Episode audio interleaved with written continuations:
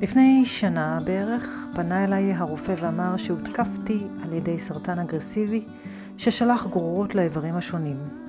מילותיה של מורת הזן סילביה הולדן, מתוך שיחת הדהרמה האחרונה שלה, רגע לפני הסמכתה הרשמית לזן master, או יותר נכון לומר מכתב הדהרמה האחרון שלה, כיוון שתששו כוחותיה, והיא לא יכלה עוד לנכוח בטקס עצמו.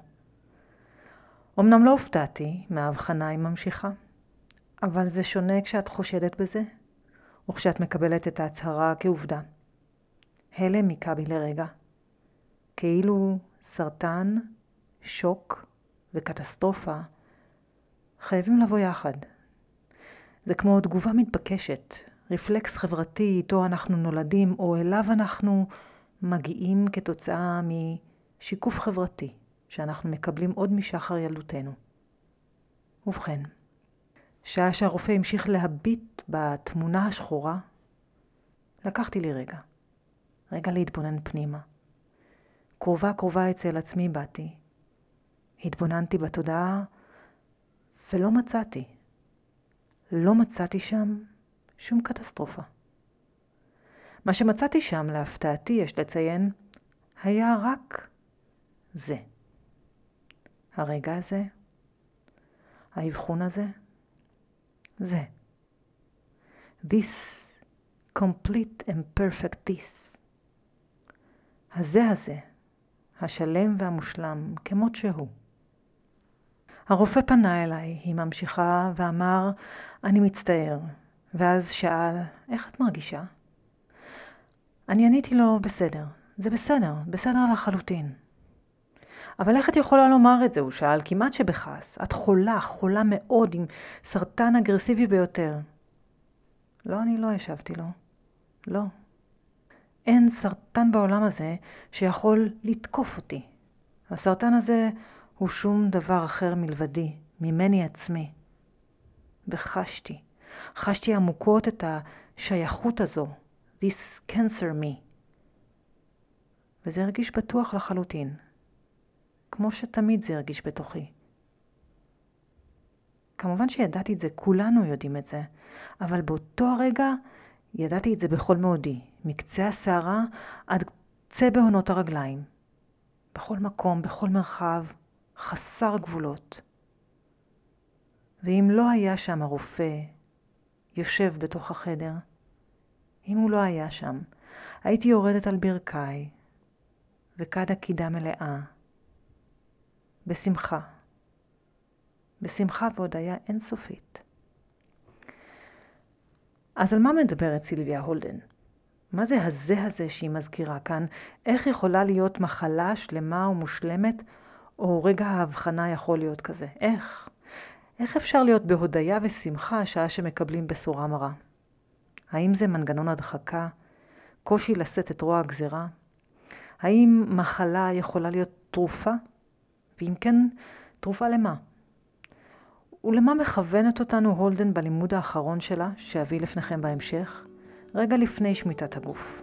במילים, אחד הרוויח, אחד הפסיד. ברוכים הבאים לפודקאסט הירח לא נרטב. שמי שרון חסיד אדמוני, מורה ומתרגלת בדרך הזן, והפודקאסט הזה בא לשתף אתכם בזן בחיי היומיום. ואם מצאתם ערך בפרק הזה, תחלקו אותו עם אחרים, כדי שעוד אנשים יוכלו להרוויח וליהנות מהתוכן הזה. וכמובן, כמובן שאתם מוזמנים ליצור איתנו קשר בפייסבוק, באינסטגרם, בוואטסאפ או במייל, ובכלל, אתם מוזמנים להצטרף ולתרגל איתנו יחד בזן זום center.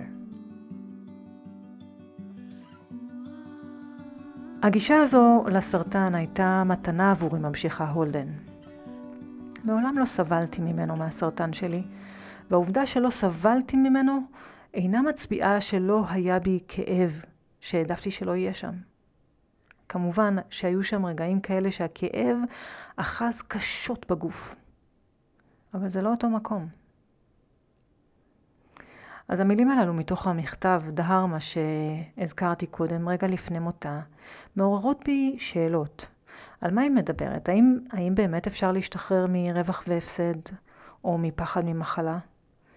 וזה הזכיר לי את הפרק האחרון באהבת המסקה סוטרה, סוטרת זרע פרחים, המספרת על מחפש צעיר בשם סודנה, ילד השפע, משמעות שמו, שבחיפושיו הוא מגיע אל ישות החוכמה, מנג'וסרי, ומבקש ממנו, אמור לי איך אוכל להשתחרר. וכמו בכל סיפור טוב, במקום תשובה, כי אולי אין תשובה מוחלטת אחת נכונה לכולם, וכל אחד צריך את התשובה שלו, או אולי כל תשובה שתינתן תחטא לעצמה, שולח מנג'וסרי את סודנה למסע אישי. לך והבא לי תרופה לסבל, תרופה למצוקת האדם, מבקש מנג'וסרי מסודנה. וסודנה יוצא למסע הזה, למסע החיפוש אחר התרופה. הוא פוגש במסעו 52 אנשים. 52 דמויות מהמעמדות, התפקידים, המגזרים השונים, מדייג לרופא, לקבצן, נשים, גברים, מנעד רחב. ואת כולם הוא שואל, מהי התרופה למחלה האנושית? מהי התרופה לסבל? וכולם נותנים לו את תשובתם הכנה. הם לא מבקשים לקבוע שהיא אמת אחת ויחידה, לא משדלים אותו להיות להם לתלמיד, רק מניחים את התרופות בזו אחר זו. ועם צידת תשובותיהם הוא שב אל מנג'וסרי, וברגע שהוא חוזר, מיד אומר לו מנג'וסרי, צא שוב, סודנה, צא. צא והווה לי משהו שהוא אינו תרופה. מופתע מבקשתו של מנג'וסרי, הרי זה עתה רק שב עם כל התרופות שמצא בדרך, יוצא סודן על המסע לחפש משהו שהוא אינו תרופה. הוא מחפש ותר בכל מקום, ולא מוצא. הוא שב על מנג'וסרי ואומר, אין דבר כזה מנג'וסרי.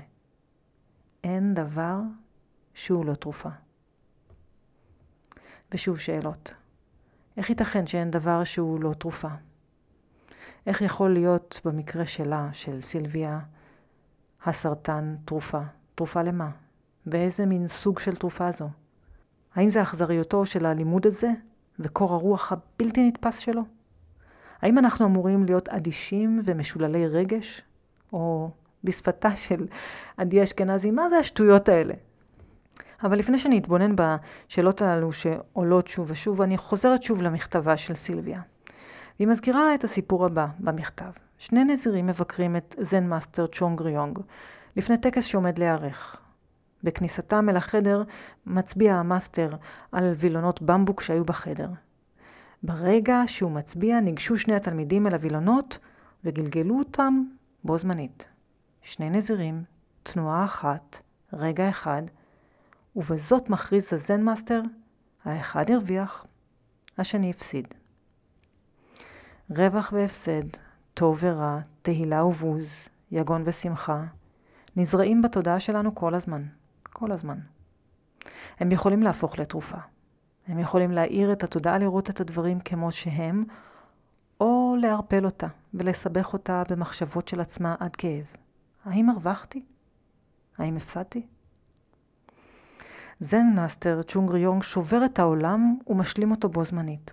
הוא מעביר אותנו דרך החשיבה הדואלית של רווח והפסד, ומבקש מאיתנו לא להאחז בה, לא לתת לה משמעות.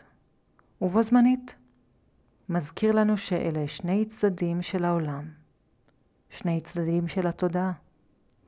המחלה היא בחשיבה הדואלית עצמה. אבל בו זמנית, אם לא נוחז בפרשנויות שלה, אם רק נזהה, המחלה היא התרופה לשיגעון של עצמה, לסיפורים שהיא מספרת. כי אנחנו זקוקים למחשבה המבדילה המפרידה, כמו שאני הרבה פעמים אומרת לכם, כדי שנוכל לפעול בעולם הזה, כדי שנוכל לשוחח, לכתוב את המילים שאני עכשיו כתבתי כאן, וברטט הדין ייגעו באוזן המקשיבה, ואולי, אולי אפילו יחדרו אל הלב.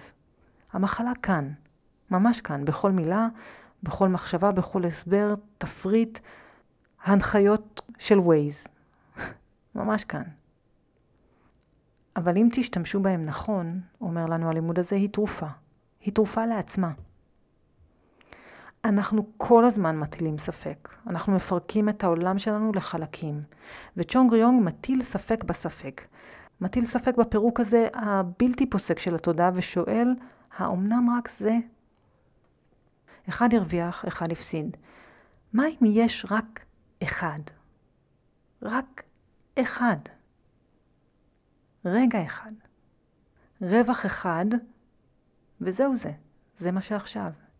הפסד אחד, וזהו. לא זה מול זה, אלא חוויה אחת, כוללת, שאינה עומדת אל מול חוויה אחרת מנגד, אלא עומדת בפני עצמה, שלמה, גם אם היא כואבת. כי המילים ריקות מכל משמעות, הן אינן הדבר עצמו שאנחנו חווים, אלא הן מצביעות עליו. רווח והפסד לא עומדים בפני עצמם בלא ההקשרים ששמנו עליהם. הסרטן של סילביה טעון באין סוף המחשבות והפחדים. יש לו היסטוריה ומוניטין שצבר ברבות השנים. באשר לתוצאות הבדיקות שלה, אומרת סילביה, אין שניים. המטופלת הזו רגע הרוויחה תוצאות טובות, רגע הפסידה. כי במציאות הזו בכחותה אין טוב ורע. אין רווח והפסד, אין תוצאות טובות או תוצאות רעות. במציאות התוצאות הטובות במרכאות לא עומדות ביחס לרעות, אלא תוצאות טובות והתחושות שהן מתבטאות בהן. והתוצאות הרעות גם הן במרכאות, והתחושות שלהן. ואלה הם פני הדברים. ובזאת הסרטן איבד את המוניטין והשם שצבר לעצמו באחת. ובכל זאת ממשיכה סילביה בכנות שלה ושואלת את עצמה, האם אני לא מדחיקה כאן? והיא עונה לשאלתה, רווח הביא לי ליהנות מהאושר של החיים, מהפריחה, מהאנשים, ואט אט נאחזתי בהם, כן, נאחזתי, כי כך הם פני הדברים. בהפסד, ההפסד הביא לי את השלווה, את הריקות בכחותה, והכל הציג עצמו רחב כמו שהוא, מלא שלווה בלא משיכה, לא דחייה, לא שיפוט, רק זה. יום אחד, כשנתבשרתי על ידי הרופא על הפסד נוסף, זה כל מה שהיה. והוא מילא את האוויר ואת החדר באותו רגע, הפסד. זהו זה. כל הדברים כולם היו הפסד אחד. גדול, רחב, חסר גבולות. בשורה אחת. כולי הייתי ההפסד ההוא. אפילו ההפסד היה הפסד. וכשהכאב החזק אחז בגוף, הוא בא עם תקווה כמוסה שהוא ייעלם. כן, כי זה כואב מדי, חזק מדי, שובר מדי. אבל לא הייתה שם התנגדות לזה. רק תפילה להקלה, ויד מגששת אחר ידו של בן זוגה שישב שם. אז האם אדישות? האם לחוסר התחושה, הרגש, הריגוש, מכוון אותנו הלימוד? אה, ממש לא. לא אדישות, לא קור רוח, אלא חוויה מלאה של הכאב, הצער, המחלה האוחזת בגוף, בדיוק כמו שאנחנו מסכימים לה, לשמחה. זו המשמעות, אין דבר שהוא לא תרופה בתשובתו של המחפש סודנה. ובסיפור ההוא עונה לו מנג'וסרי לסודנה, תן לי אותה, את התרופה, תן אותה עכשיו, הדגם לי. וסודנה מתכופף, נוטל חופן עשב בידיו ומגיש אותו למנג'וסרי ואומר לו, הנה, קח, הנה לך, הלך התרופה. מנג'וסרי לוקח מידיו את העשב ואומר לו, עשב זה יכול להרוג ולהחיות. פעמים רבות התרופות של חיינו הן מרות, מרות מדי, עד שהפנים מתקרקמות ומתכווצות במין פרצוף כזה, לא מתרצה, או, או כאלה שלפעמים מאבדות את הבעתן. סרטן, ספק, פחד, בלבול, עצב, אובדן, הן מחלות ותרופות בו זמנית. כי העשב הזה יכול להרוג או להחיות, להרוג את התודעה הדואלית, זו שאינה מקבלת את המציאות, מתנגדת, מוחה, משווה, ואז, אז הרוויח. אבל בו זמנית הן יכולות להחיות ולהגביר את המחשבות הדואליות, להעצים אותן, להעצים את הספקות, את חוסר הקבלה, לשבור את העולם לרסיסים קטנים יותר ויותר, ואז סבל. מחלה. אחד, הפסיד. אז כל העולם, כל העולם הוא תרופה.